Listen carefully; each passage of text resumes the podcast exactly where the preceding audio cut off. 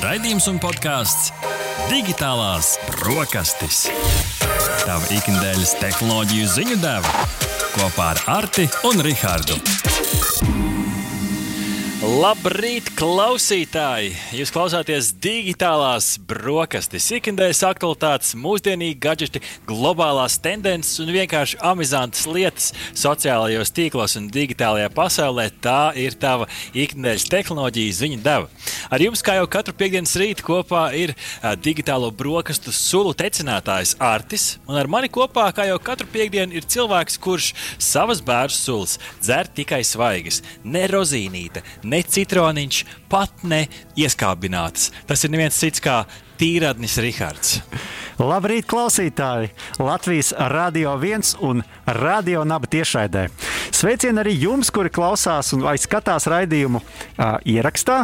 Digitālās brokastis, kad vien vēlaties, varat baudīt populārākajās podkāstu platformās, Latvijas radio arhīvā, LSM.CLV, Naba LV, kā arī Latvijas radio YouTube kontā.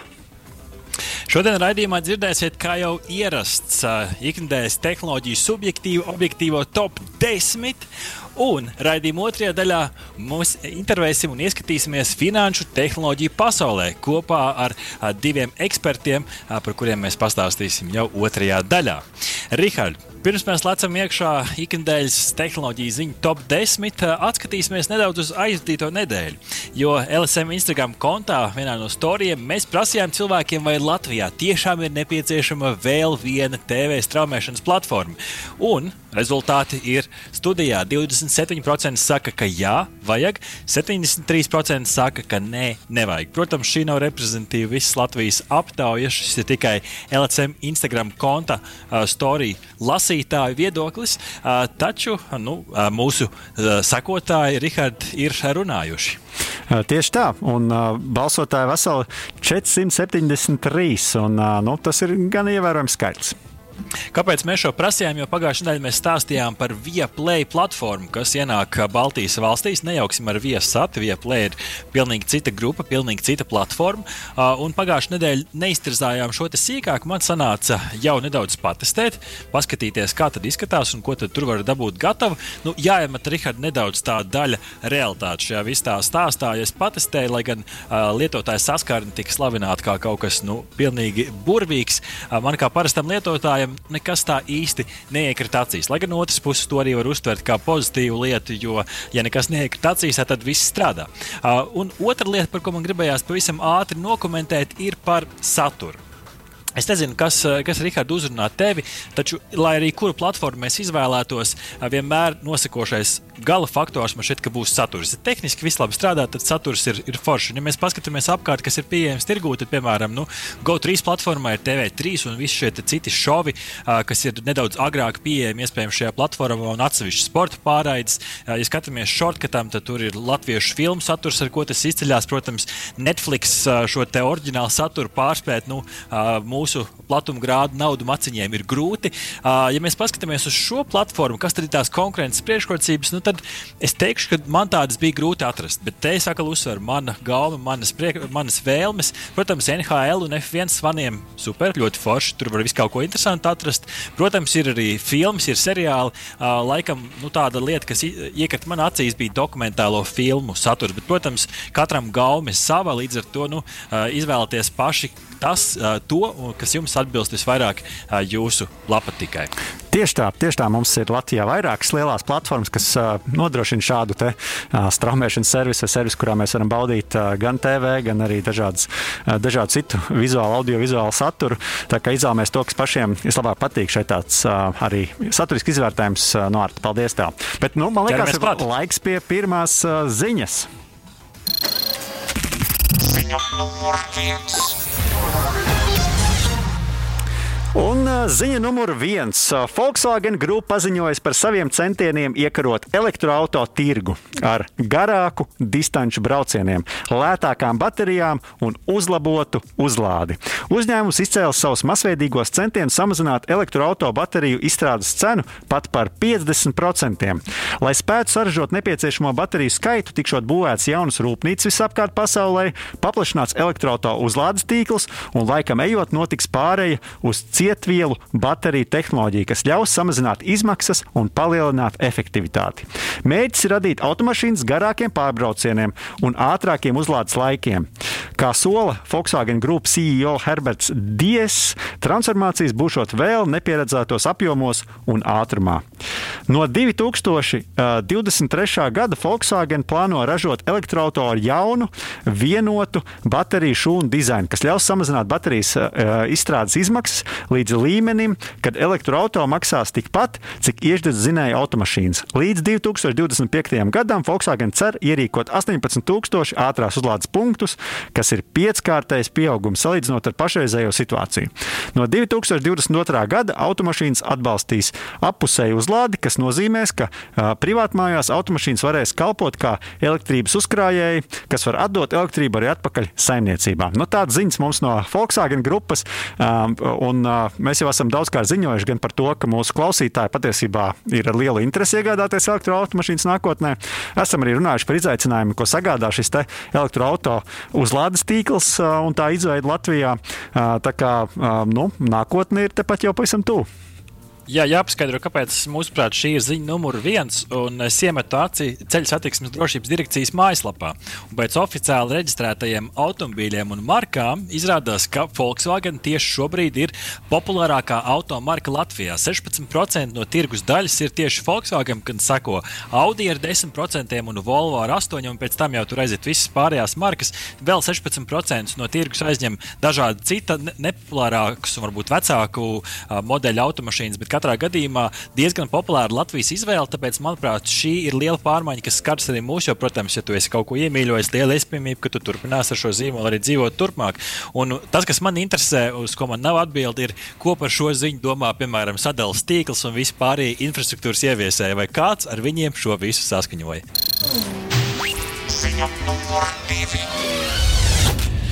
Kā ziņo Eiropas komisijas pārstāvniecība Latvijā, tad komisija esot ierosinājusi izveidot digitālo zaļo certifikātu. Kas tas tāds? Nē, tas ne, netiks izga, iz, iedots tiem, kuri dzīvo zaļi, šķiro atkritumus un tam līdzīgi. Šis certifikāts tiks piešķirts tiem, kuri būs vai nu saņēmuši vakcīnu, vai pārslimojuši Covid-19 un vēlēsies ceļot.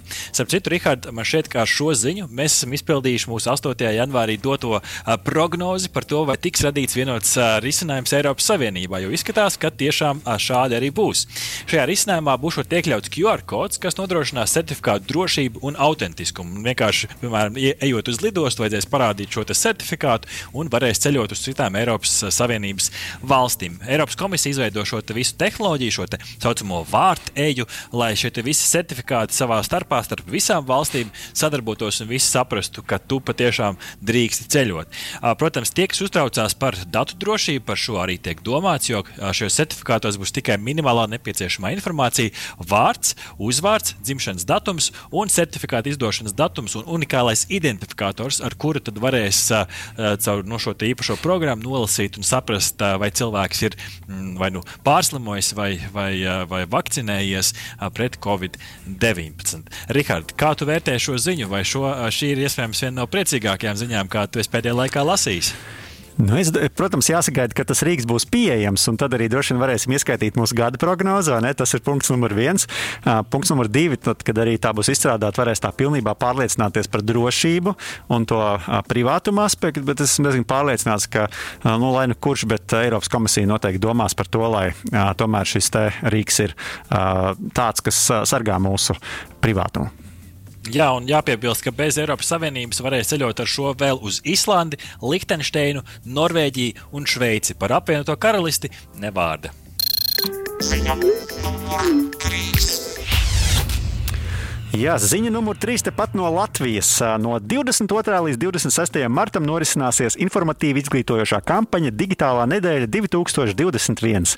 Tās laikā notiks tiešsaistes pasākumi, diskusijas un citas aktivitātes, lai rosinātu Latvijas iedzīvotājus pilnveidot savas digitālās prasmes, kā arī aicinātu izmantot digitālās tehnoloģijas un pakalpojumus darbā un ikdienā. Tām varēs sekot līdzi TV24 un interneta tiešraidēs. Katrai kampaņas dienai ir sava tematika, kas saistīta ar digitālajām prasmēm. Pirmdien par paradumu maiņu un esošo iespēju izmantošanu, otrdien par e-pakalpojumiem, trešdien uzņēmējiem noderīgās digitālās prasmes, ceturtdien uzmanību pievērsīs personas digitālajai identitātei un kiberdrošībai, savukārt piekdien karjera, informācijas un komunikācijas tehnoloģiju nozarē. Sīkāk informācija pieejama e-prasmes.lv. 4. Tehnoloģija uzņēmums Samsung ir prezentējis jaunākos Galaxy A sērijas vietāluņus A52, A52 5G un A72, kā arī robusto vietāluņu Xcover 5. Ja runājam par A sērijas vietāluņiem, tad šie ir budžeta klases ierīces, kas ir aprīkotas, starp citu, kā viņi sola ar līdz šim labāko kameru, kāda A sērijas vietāluņiem ir bijusi.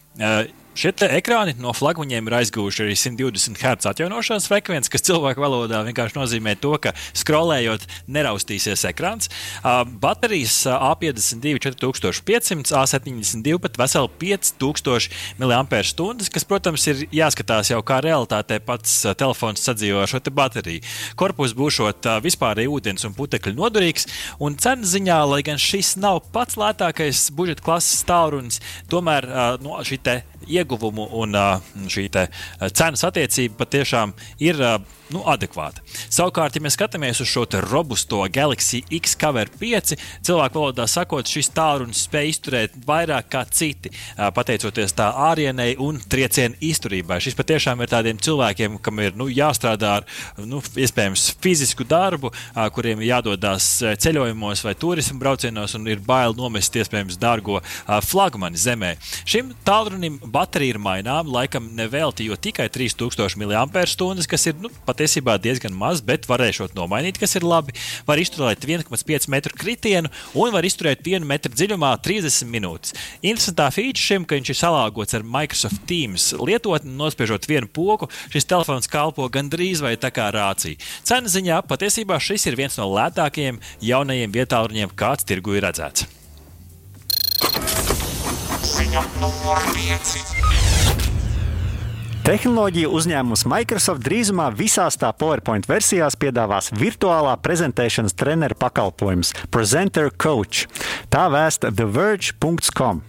Virtuālais treneris klausās, kā cilvēks stāsta un analizē dažādus eh, prezentācijas aspektus.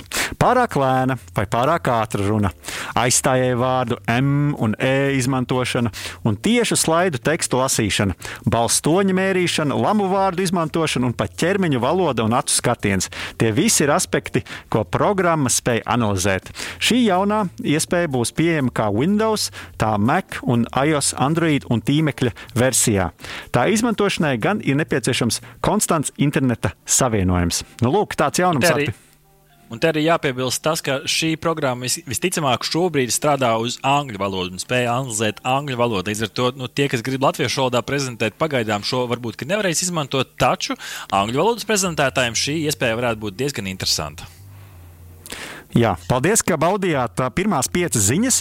Nu, pēc muzikālās pauzes būsim atpakaļ jau ar tālāko digitālo brokastu klāstu un pēc tam jau interviju.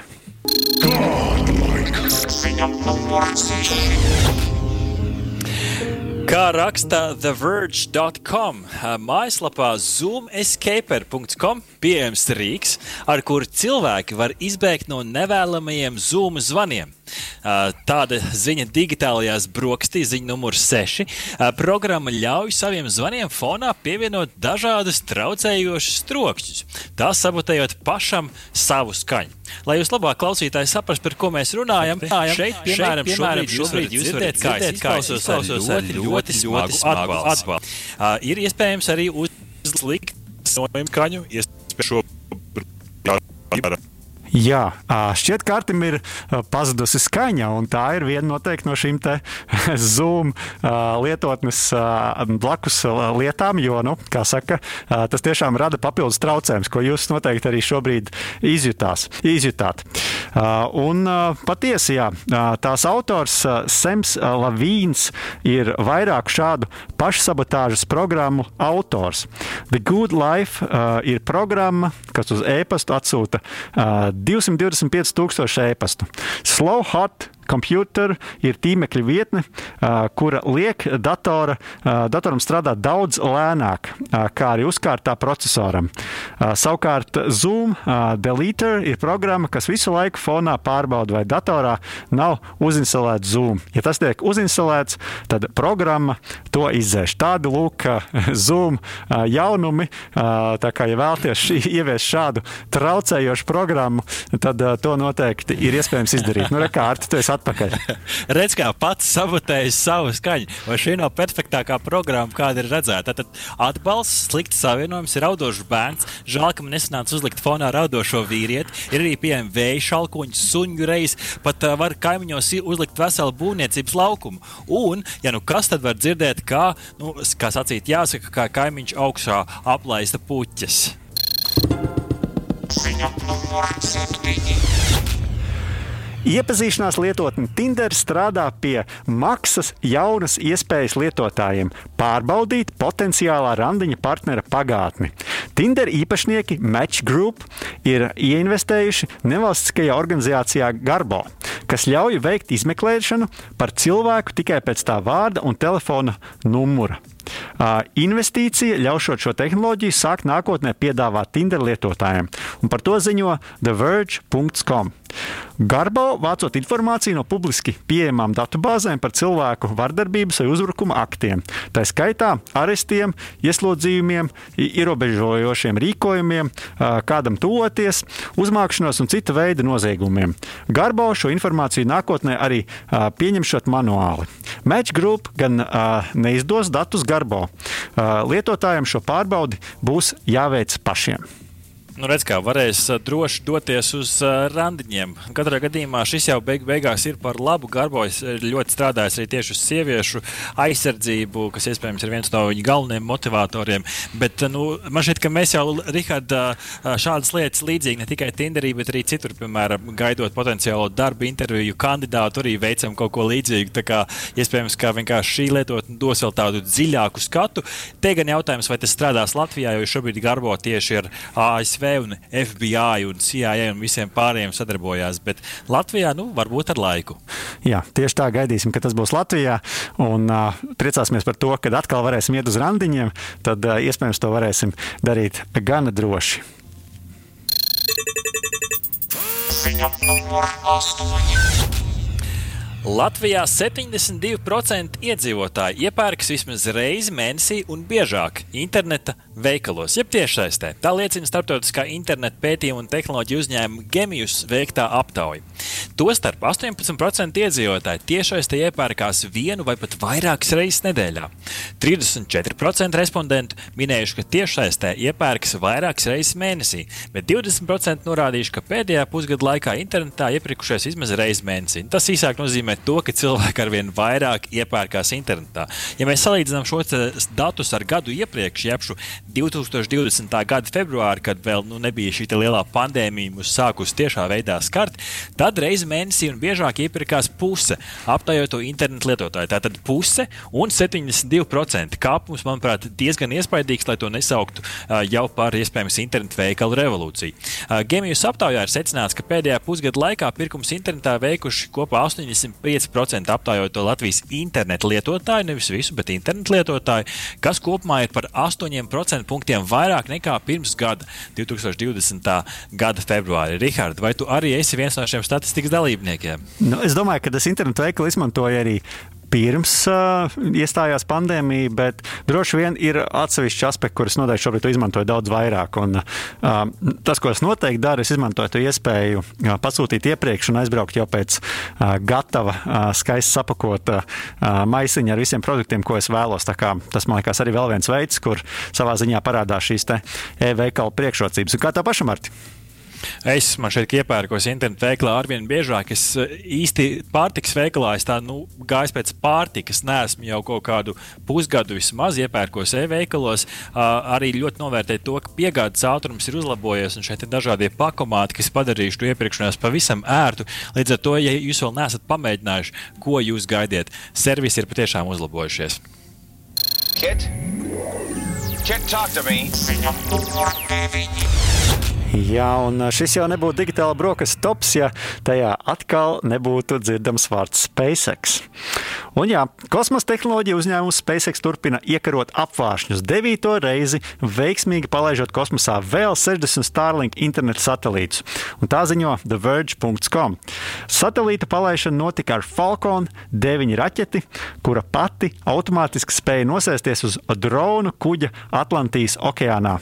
Un šim kuģim ļoti jauks nosaukums. Protams, ka es tevi joprojām mīlu.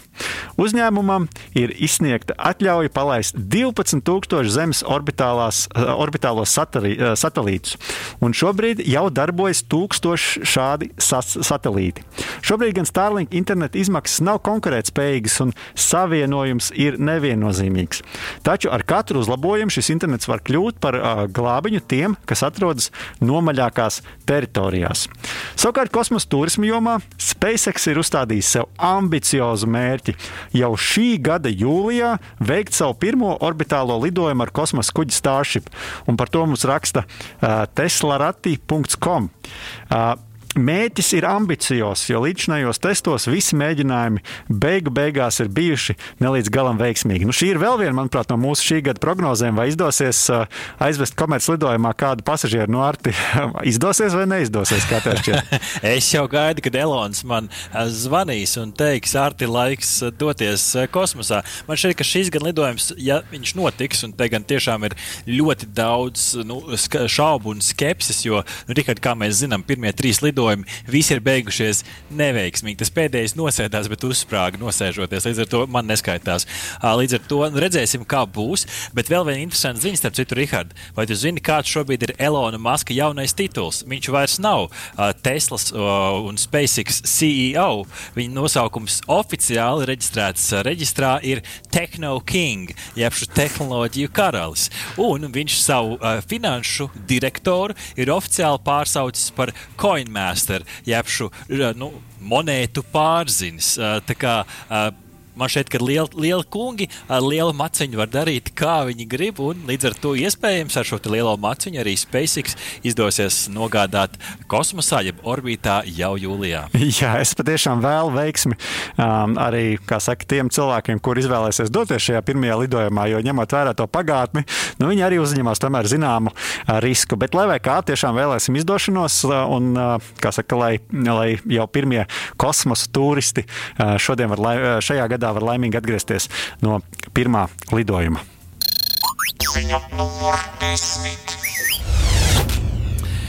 Kā raksta techspot.com, digitālā valūta Bitcoin ir sasniegusi jaunu vērtību, tās uh, re, nu, jaunu rekordu tās vērtības ziņā - 60 tūkstoši ASV dolāru par vienu vienību. 13. martā pēc Coindesk datiem Bitcoin sasniedza 61,283 dolāru un 80 centu vērtību. Kopš tā brīža cena ir nedaudz kritusies, taču joprojām saglabājusies diezgan augstā līmenī. Nu, tur aptuveni starp 50 un 60 tūkstošiem arī varējot. Tas gan ir um, katra paša labs minējums. Uzsveram vēl vienreiz, mēs neesam finanšu konsultanti un neiesakām jums darīt pilnīgi neko, par ko jūs paši neesat pārliecināti. Uh, lai gan dažādu organizāciju interese par kriptovalūtām ir patiešām palielinājusies. Nu, piemēram, Mastercard ir izrādījusi interesi atbalstīt kriptovalūtas jau šajā gadā, iespējams, kaut kādas transakcijas. Arī, arī citas uh, kompānijas ir tiešām izrādījušas interesi par, uh, par šīm kriptovalūtām valūtām.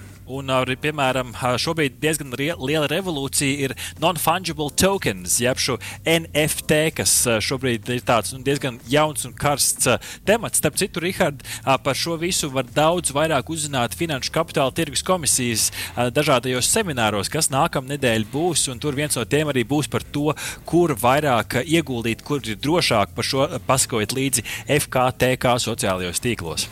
Jā, tieši tā, bet uh, tieši ar uh, FKTK pārstāvu mēs tiksimies arī pēc uh, dziesmas, uh, jo mums šodien saruna būs par finanšu uh, tehnoloģijām, jeb fintech. Nu, tad nu, kopīgi noskaidrosim, kas tad, uh, tas ir un uh, kā mums uh, Latvijā ar šo veicas. Mm. Mm. Ko liksim uz kārā zoba? Digitālo brokastu saldais ēdiens. Labrīt, klausītāji! Sveicam jūs atpakaļ pie digitālo brokastu galda. Un mums tiešām priekšā saldais ēdiens. Jaunās tehnoloģijas un digitāla risinājumi plaši tiek izmantot arī finanšu pasaulē. Tomēr arvien biežāk dzirdam par finanšu inovācijām, kas nāk nevis no bankām, bet tieši no specializētiem finanšu tehnoloģiju uzņēmumiem, ko mēdz dēvēt arī par fintech. Par to, kas ir fintech un kā, kādas ir perspektīvas šādu uzņēmumu attīstībai Latvijā, jautāsim mūsu šīs dienas viesiem. Uh, labrīt, uh, Marinē Krasauska, Finanšu kapitāla tirgus komisijas Finanšu inovāciju departamenta direktore. Labrīt! Labrīt, Arti! Labrīt visiem! Un pie mums iesaistās arī Roberts Bernāns, kurš ir Nordgen, uh, viens no dibinātājiem. Labrīt! Labrīt visiem! Kā jau jūs zināt, skatītāji, jūs varat izteikt savu viedokli LSM Instagram stāstos parasti nedēļas sākumā, un tur mēs jums vaicājām pavisam vienkāršu jautājumu. Vai jūs zinat, kas ir fintech? Nu, šeit ir rezultāti tādi, nu, kas liek raukt uz acis, jo tikai 21% ir atbildējis jā, 79% atbildot nē. Iespējams, ka cilvēki vienkārši nezināja šo kom vārdu kombināciju fintech, bet ir gan jau saskārušies ar fintech ikdienā. Kā tev šķiet, Rihard? Jā, nu tieši tā. Es domāju, ka mēs visi jau um, ikdienā tiešām saskaramies ar šīm jaunajām finanšu tehnoloģijām. Bet, jā, ja mēs tā ieskatāmies definīcijā, tad fintech ir uzņēmums, kas rada un izmanto jaunas un inovatīvas tehnoloģijas finanšu pakalpojumu sniegšanai. Tas rada jaunus vai būtiski maina esošus finanšu produktus un pakalpojumus.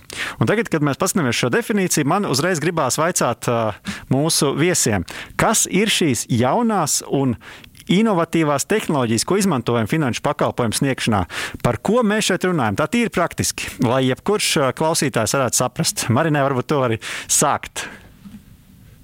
Jā, paldies. Nu, pirmkārt, tev ļoti precīzi bija tā definīcija. Tā es domāju, ka nu, tam diezgan daudz kas ir skaidrs. No galvenais, ar ko atšķiras varbūt fintech no tām tradicionālām lietām, ir tieši tas, ka fintech piedāvā darīt kaut kādas lietas, ko cilvēkiem ir nepieciešams tikai absolūti jaunajā veidā.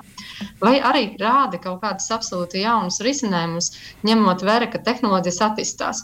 Un, piemēram, jums vairs nevajag iet uz banku vai uz filiāli sakārtot savas kaut kādas ikdienas lietas.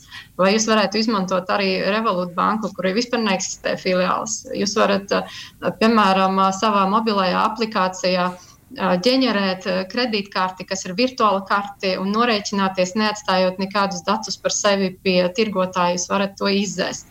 Tas ir tehnoloģiski, kas praktiski vairāk orientēti uz klientu, vairāk orientēti uz klientu uzvedību, draudzīgāk klientam. Ar to var maksāt, piemēram, par pirkumu sadalot maksājumu jau pat grozā. Un noteikti pie fintech jomas uzņēmuma attiecas tādi, kas veido risinājumus paši finanšu nozarei. Jo finanšu nozarē tas ne tikai bankas, arī citi spēlētāji, kam būtu nepieciešams arī e, palīdzība, un ne visu viņi paši perfekti varētu izveidot. Bet ir tādi, ko var e, ņemt uzreiz gatavu no fintechiem, piemēram, izvērtēšanas modeļus vai scoringa modeļus. Tas viss iet zem liela nosaukuma fintech. Un, ja mēs, Roberts, paskatāmies tieši uz Nordiģenu kā piemēru, kas ir tā jūsu inovatīvā tehnoloģija, ko jūs izmantojāt, lai, lai savā ziņā kļūtu arī par, par fintech pārstāvi?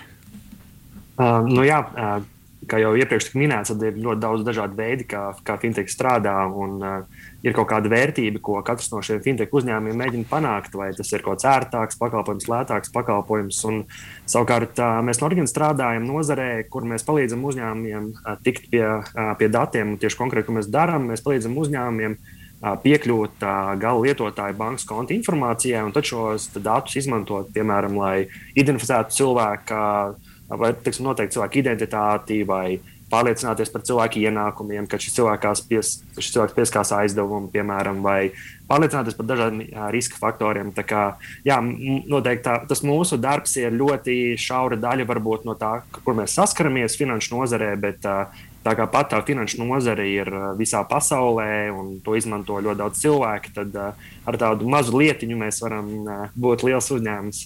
Pasaulē. Sanāk, Roberta, ka patiesībā fintechs tā ir tāda kā finanšu pasaules virtuve, ja mēs tā varam saukt. Jo tas, ko cilvēki redz savā priekšā, ir smuki uzklāts galds, viņiem tiek pasniegts kredīts zem, zem plīvura, bet īstenībā aizmugurē tur ir fintech virtuve, kas šo visu darbina, vai ne? Jā, jā tur tas viss notiekās ļoti daudz dažādos līmeņos. Protams, ir lietas, kas, ar kurām mēs vairāk ikdienā saskaramies. Jā, pieņemsim tie paši maksājumi, tā maksājuma veidi, ja, ka mēs varam ar, ar, ar viedierīcēm veikt maksājumus. Maksājumi paliek lētāki, ir daudz inovācijas šajā jomā. Ļoti daudz inovācijas ir arī. Piemēram, mēs izmantojam kriptovalūtas, tas ir pilnīgi cits veids, kā mēs izmantojam valūtas un kā mēs norēķinamies par lietām. Uh, Uh, ir, un ļoti daudz kas ir kaut kas tāds arī, kas nāk līdz laikam, un kad mainās paradumi cilvēkiem, un, un, un kā šī visa nozara pielāgojās. Uh, šobrīd ļoti aktuāli ir tas, ka mēs uh, strādājam un, uh, no mājām, un uh, daudz pirkums veicam internetā. Mums tas ir uh, fintech nozara ir tieši tā, kas uh, palīdz šos pirkumus veikt vieglāk, uh, palīdz finansēt šos pirkumus. Uh, Nu, un tad ir otra pusē. Tāds uzņēmums kā mēs, mēs varbūt neprādāmies tieši klientiem, bet ļoti daudz kas notiek aizmugurē, lai šos procesus padarītu ātrākus, lētākus un cilvēkiem vieglākus. Tā, kā, tā, ir, tā ir tiešām ļoti plaša nozare, un es noteikti vajadzētu šo raidījumu taisīt daudz ilgāk, lai mēs pieskārtos visām niansēm. Tā tas ir. Mēs arī citu prasījām mūsu LSM Instagram kontu sekotājiem, lai viņi nosauc kādus piemērus, lai nu, notestētu, ko viņi saprot ar fintech. Un šeit parādās man šeit nosaukumi, kas ir diezgan bieži dzirdēti. Tas pats Mintos, Tvino, Sunfinance, arī Nordigen, uh, Altero, Viva Invest, Fintelum, Spēle, Cream Finance. Man šķiet, ka Rihard, tas, kas savēlk vairumu no šiem kopā, ka tie ir vairāk saistīti ar aizdevumiem, vai ne? Kā jums izklausās šis saraksts? Nu, tajā sarakstā ir ļoti dažādi uzņēmumi. Jā, nu, pirmkārt, nu, jā, pirmais tas bija minēts arī Mintos, kas ir platforma, kas ļauj cilvēkiem investēt. Ja mēs paskatīsimies, piemēram, uz pagatnī, kas bija 5, 7, 8, 10 gadu atpakaļ, par investēšanu demāja tikai turīgi cilvēki. To varēja darīt tikai bankās un uh, private banking apkalpošana.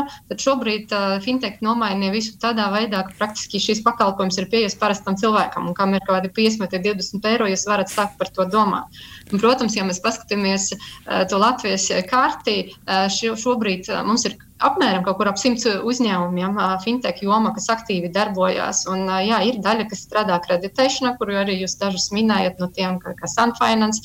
Ir arī agregātori, kas ir Altero, kas tieši piedāvā vairāk aizņēmējiem pakalpojumu, okay, kur ir tas veids vai kur ir, tas, kur ir tā organizācija, kur es izdevīgāk varu aizņemties naudu, kur ērtāk, lētāk, ātrāk. Ir arī uh, ar maksājumiem saistīti eh, pakalpojumi, ir kriptovalūtās. Praktiski tos var sadalīt dažādas jomas. Un, starp citu, viens no arī segmentiem ir IT jomas uzņēmumi, kas šo visu apkalpo un kas piedāvā savus risinājumus. Jā, ja mēs, ja mēs iztēlojamies eh, šobrīd no šo fintech nozari virzienu kā lielu sacīkšu trasi, tur mums ir divas mašīnas. Viena ir ar komanda banka, un otra ir komanda fintech. Abas šīs mašīnas šobrīd nesās uz priekšu. Kāda šobrīd ir šī sacīkste? Kurš šobrīd ir priekšā un kāda ir bijusi šī sacīkste līdz šim?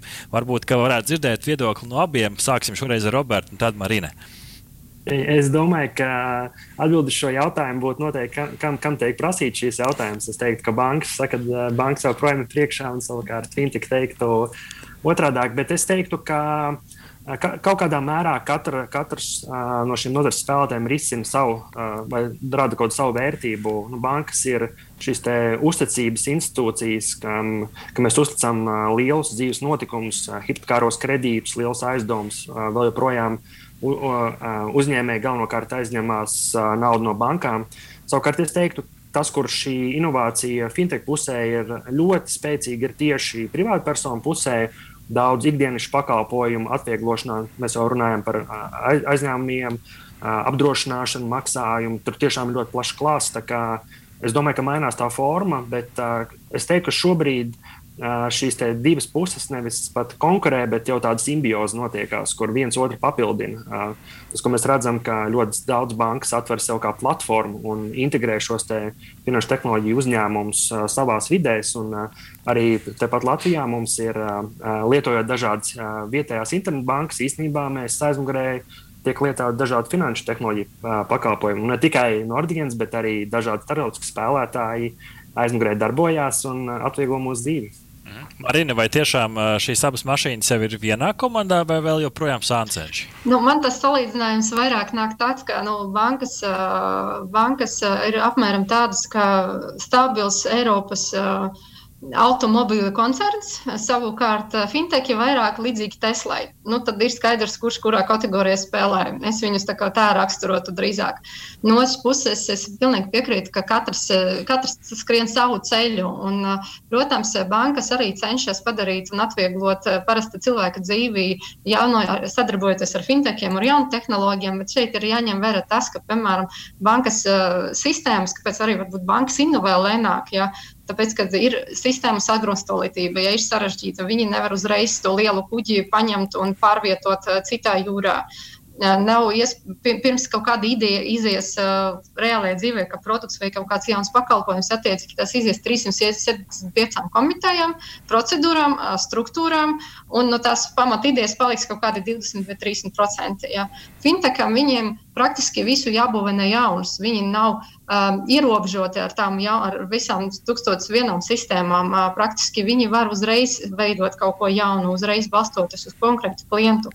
Un bankai vienmēr ir fokus uh, vairākas jomas vienlaicīgi. Fintech var visus, visus savus resursus akumulēt vienā, absolūti vienā kaut kāda pakalpojuma risināšanā. Un svarīgi ir tas arī, ka, ja mēs paskatāmies, kā tie finteki inovē, jūs arī paši redzat, kādam tas ir veiksmīgāk, kādam varbūt maz veiksmīgāk, bet tie nebaidās uzņemties risku, ko varbūt lieku reizi bankas nevēlas uzņemties. Dēļ tā, ka viņi vairāk domā par savu stabilitāti, reputāciju. Kaut gan fintech jomā nu, jums ir ierobežots budžets un viens šāviens. Jums nedrīkst ne pa labi, ne pa kreisi skatīties šajā ziņā. Tā kā katrs skriet savu ceļu un katrā, katrā nu, citā, citā veidā nedaudz. Mhm. Roberta, kā fintech nozares uzņēmuma pārstāvis, kāda šobrīd ir tā, tā vide uh, Latvijā? Vai ir iespējams augt, vai joprojām ir jācīnās ar regulējumu izaicinājumiem? Eh, es teiktu, ka bieži vien, kad eh, fintech rada kādu inovāciju, tas ir kaut kas pavisam jauns, ar ko eh, industrija nav saskārusies vai regulātori nav redzējuši. Es teiktu, tās pašas pietupie platformas kā Mintos vai tas, kā mēs strādājam. Un īstenībā tie paši aizdevēji bieži vien sāka vidē, kur nav nekādas regulācijas. Un, tad tas bija darbs starp regulātoriem, nozares spēlētājiem un šiem fintechiem kā saprast, kādi ir šie spēles noteikumi. Un es teiktu, jā, ka parasti tas sākās ne no kā. Tas sākās tādi kā liels milzkasts, un pēc tam viss sāk likt robežas. Jā. Un, Protams, jau tādās nobriedušās nozarēs ir diezgan grūtāk ienākt iekšā, un šis licencēšanas process nav noteikti lēts vai ātrs. Un it īpaši, kā uzņēmumam, kā Marina teica, ka, kas skrien un kam ir viena iespēja, kas negrib palaist garām, ir ļoti svarīgi nepazaudēt laiku šajos procesos, bet es teiktu, ka Latvijā mums ir ļoti labi, mums ir ļoti atsaucīgas institūcijas, kas varbūt daudziem neliekas, bet uh, mums tiešām tas process ir neslīdzināms ātrāks un lētāks nekā bieži vien uh, vecajā Eiropā. Tā kā es teiktu, uh, ir savi izaicinājumi, bet uh, šeit ir izcila izcil vieta, kur uh, sāk šīs inovācijas. Jā, patiesi. Tiešām mēs uzticamies bankām, jo nu, tās ir bijušas ilglaicīgi, tās ir ilglaicīgi strādājušas pie savas reputācijas, nu, tās arī atbilst dažādām prasībām, kas apliecina to stabilitāti un, un to ieguldījumu drošību.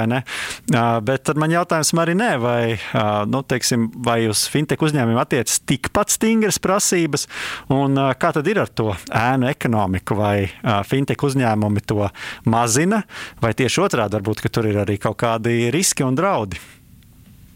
Jā, šeit ir uzreiz daudz jautājumu vienā. Nu, varbūt sākšu ar to, ka pirmkārt tā fintech jomā, ja mēs skatāmies uz uh, pasaules kartes, ir diezgan jauna. Ja tas nav tas, kas pastāvēja jau 50 gadus, kur jau pierādījusi savu stabilu biznesa modeli. Un šeit nevienmēr tā regulācija var paspēt uh, tehnoloģijām. Tehnoloģijas attīstās ātrāk un straujāk. Un praktiski viena no tām galvenām uh, FKTK arī jomām un prioritātēm šogad ir arī fintech jomas un fintech vidas attīstība. Un galvenais ir tas, ka mēs esam atvērti, mēs esam gatavi regulēt, mēs esam gatavi konsultēt. Mums arī ir inovācijas centrs, kur mēs visu to darām. Un attiecībā uz regulāciju praktiski uz tiem uzņēmumiem, kuri vēlas saņemt licenci, uz viņiem attiecas tādas pašas prasības par AML jomu, piemēram. Maksājuma joma ir savs regulējums. Par, par kopfinansēšanu, kas ir jauns tirgus regula, Eiropas līmenī ir pieņemta, un mēs tagad šo ieviešu, ieviesīsim arī, arī Latvijā. Jā, lai banku organizētu, vai mums vajag 5 miljonus, ja fintecham arī ir savas kapitāla prasības. Mēs tāpat arī izvērtējam kompetences valdes locekļus PLG, kuri vēlās. Līdz ar to es neteiktu, ka šeit nav regulējuma. Nav varbūt regulējuma pašlaik kripto jomā, kas ir tāds varbūt pelēkākais uz kartes, bet tā regula arī top Eiropas līmenī. Un, ja mēs pārējām uz to ēnas, ēnas ekonomiku, no vienas puses tas ir atbalstāms, ka cilvēki vairāk un vairāk izmanto digitālus risinājumus, jo tādā veidā tas bezskaidrs pārskaitījumi var izsekot, tas ir caurspīdīgāk. No otras puses, jā, ir pieņemta, piemēram, tā, turpat kripto jomā, kad šīs, šī risinājumi bija ļaunprātīgi izmantoti. Tas ir ārpus bankas sistēmas, to nevar izkontrolēt. Ja? Un, diemžēl ir, kad tehnoloģijas nonāk uh, citas nepareizas ļaunas rokās, un tas uh, rāda jau riskus pašiem patērētājiem, kuriem diezgan grūti palīdzēt, ja, ja tas dalībnieks spēlē nekontrolējumā vidē. Jā, un tad jautājums arī Robertam. Nu, kā jūs, cik rūpīgi sekojat tiem reputācijas riskiem, cik ļoti ir nu, teikt, smagas tās, tās no regulas vai, vai noteikumi, kam ir jāpiemērojas? Vai jūs redzat to kā tādu iespēju, vai tas tomēr ir vairāk izaicinājums? Nu šo nosīmi ir daudz, ir daudz, kas ir jāievēro, kam ir jāsako līdzi. Tas noteikti ir svarīgi, jo ir tiešām svarīgi domāt par cilvēku datu drošību, par, par to, kā mēs veidojam sistēmas, par to, kā mēs pārvaldām datus. Un, protams, ka no vienas puses mēs varētu teikt, ka jebkura šāda administratīvas sloks ir kavējis tehnoloģijas attīstību, bet, bet tāpat laikā ir skaidrs, ka nozarei attīstoties, tev vajag kaut kādu regulāciju, tev vajag ierobežot kaut kādas negodprātīgas prakses. Arī mūsu nozarē ir uzņēmumi, kas varbūt neizmanto tehnoloģijas, kuras drīkst izmantot, un tad ir, tad ir labi, ja mums ir kaut kāds vienots regulējums, kur mēs varam atsaukties un cīnīties ar šādiem spēlētājiem.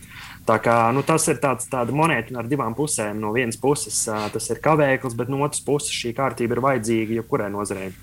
Jā. Cik sarežģīti, Roberts, ir izveidot fintech uzņēmumu Latvijā? Uh, no, skalas, no skalā no 1 līdz 10, kur viens ir nu, aiziet uz veikalu, nopirkt pienu, un 10 ir nu, uztaisīt raķeti, kas aizlido uz Marsu. Uh, Uh, labs jautājums, bet es teiktu, ka nu, pirmkārt jau finanšu tehnoloģijas ir uh, pašā būtībā ir tehnoloģija uzņēmums. Jā, Tātad mums ir principā jāstāsta, vai mēs varam radīt kādu jaunu inovāciju, izmantojot kaut kādas uh, tehnoloģijas. Un, un es teiktu, ka vispār Latvija ir uh, vieta, kur ir ļoti gudri cilvēki. Uh, mums ir īstenībā tiešām ļoti daudz uh, pasaulē jau pazīstam tehnoloģiju uzņēmumu, varbūt ne gluži mums iepriekš minētie Tesla, bet tiešām savas nozares ļoti būtisks spēlētāji.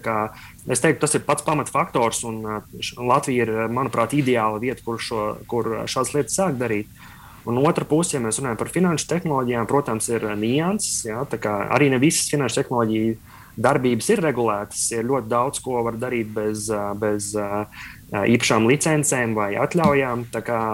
Es domāju, tīpaši, ja mēs runājam par kaut kādām pilnīgi jaunām inovācijām, tad uh, tam nevajadzētu būt šķērslim. Un, un es vairāk esmu teicis, ka ar, ar smagu darbu uh, visam to var tikt cauri. Galvenais ir nečīkstēt un, un nepadoties un uh, censties. Un, ja tas viss ir, tad, uh, tad es teiktu, ka tuvāk vienniekam nekā desmitniekam. un arī tie, kas taisīja raķetes, viņi arī kaut kā viņus uztaisīja. Ja? Tas ir. Uh, lielā mērā, kā mēs par lietām domājam um, un kā mēs mēģinām viņas risināt. Marinē, kas ir jāņem vērā varbūt kādam jaunu uzņēmumam, kurš šobrīd domā, ka varētu tās tehnoloģijas likt lietā uh, finanšu sektorā? Un uh, esmu dzirdējis, ka ir arī neliels atbalsts pieejams uh, gan, gan varbūt dažādos veidos arī no Finanšu kapitāla un tirgus komisijas. Jā, protams, mums ir principā liela tāda atbalsta mehānisma, kas ir diezgan plaši izmantot un kurus aicinām izmantot uh, tos, kas plāno veidot savu fintechu. Pirmkārt, mums ir inovāciju centrs, kur mēs absolūti bezmaksas varam nokonsultēt jebkuru uzņēmēju par jebkādu licencēšanas procesu, kādus dokumentus jāiesniedz, vai tā darbība vispār ir licencējama, pakļaujas licencējas, nav, nav, nav pakļauta licencēšanai, kā izskatās šis process. Par AML jautājumiem diezgan daudz jautājumu. Un šobrīd mums, principā, pēdējo trīs mēnešu laikā desmit cilvēkiem, dalībniekiem, kuri nākuši arī prasīt, kas ir tas, kas man jāņem vērā, ja es vēlos gribu šādu vai tādu biznesa modeļu. Mēs vienmēr atvērti, mums ir vairāki eksperti dažādas jomās, kas var nākt un, un nokonsultēt. Un, ja fintech rāda kaut kādu absolūtu out of box, absolūti jaunu biznesa modeli, kas nav nekādā veidā regulējums, ir otrais mehānisms, kas ir smirškastē.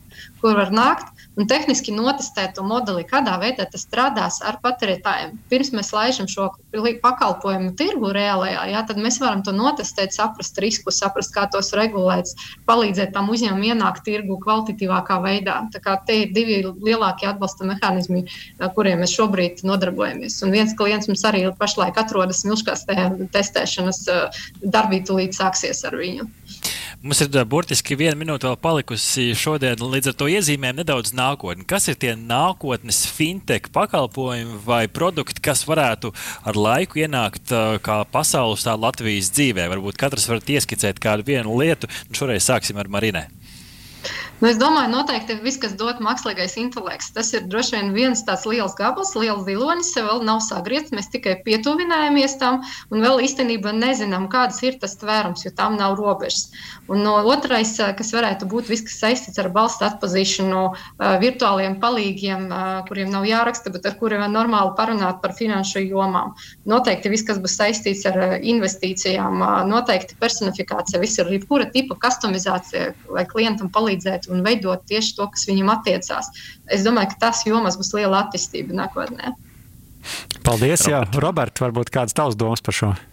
Uh, jā, nu, es, es vienmēr skatos, ka fintechs varētu būt tā nozara, kas varētu demokratizēt daudzas no tām lietām, kas mums šobrīd nav pieejamas. Uh, kā, ja man arī kontā ir 50 eiro, šo naudu var ieguldīt un šo naudu var pelnīt. Uh, ja, man, ja es gribu apdrošināt tikai savu riteni, tad es varu apdrošināt tikai savu riteni. Ja es uh, gribu taisīt visādus dīvainus maksājumus, tad man ir tehnoloģija, kas to atļauj. Es gribētu teikt, ka tai nozarei ir jāiet, jāiet līdzi cilvēku paradumiem un ko cilvēki vēlas darīt un atvieglot tās lietas. Un es ceru, ka fintech būs tā lieta, kas tieši šim mazajam gala cilvēkam atvieglos dzīvi. Jā, tiešām individualizēta pieeja un finanšu sektora demokratizācija. Tā varētu kopsavilkt. Liels paldies mūsu šīs dienas viesiem Marinē Krasauska no FKTK un Roberts Bernāns, kurš ir Nordiģen viens no līdzdibinātājiem. Paldies jums par sarunu, par šo patiešām, es pat teiktu, nezināmo tēmu, jo daudziem noteikti par to šī bija pirmā dzirdēšana. Tā kā liels prieks, ka iepazīstinājāt mūs par šo. Paldies! Paldies. Jums. Rihards, kas mūs sagaida nākamā piekdiena? Jā, klausītāji, esiet kopā ar mums arī nākamā piekdiena, kad kā ierasts iepazīstināsim jūs ar tehnoloģiju jaunumiem. Kā arī uzzināsim, kā attīstās video spēļu entuziastu kopiena Latvijā un kādos e-sporta veidos varam startēt dažādās oficiālās un entuziastu līgās. Paldies, ka bijāt kopā ar mums pie savas rīta kafijas. Mūzikas redaktors Girts Bišs, pie režijas pults Arnolds Zauziņš, raidījumu veidoja radionāba autori Artis Ozoliņš un Rihards Blēsē speciāli Latvijas Radio 1. Tu klausījies digitālās brokastis. Katru piekdienu no 10 līdz 11. Arī podkāstu formātā, populārākajās platformās. Digitālās brokastis. Tava ikdienas tehnoloģiju ziņu deva.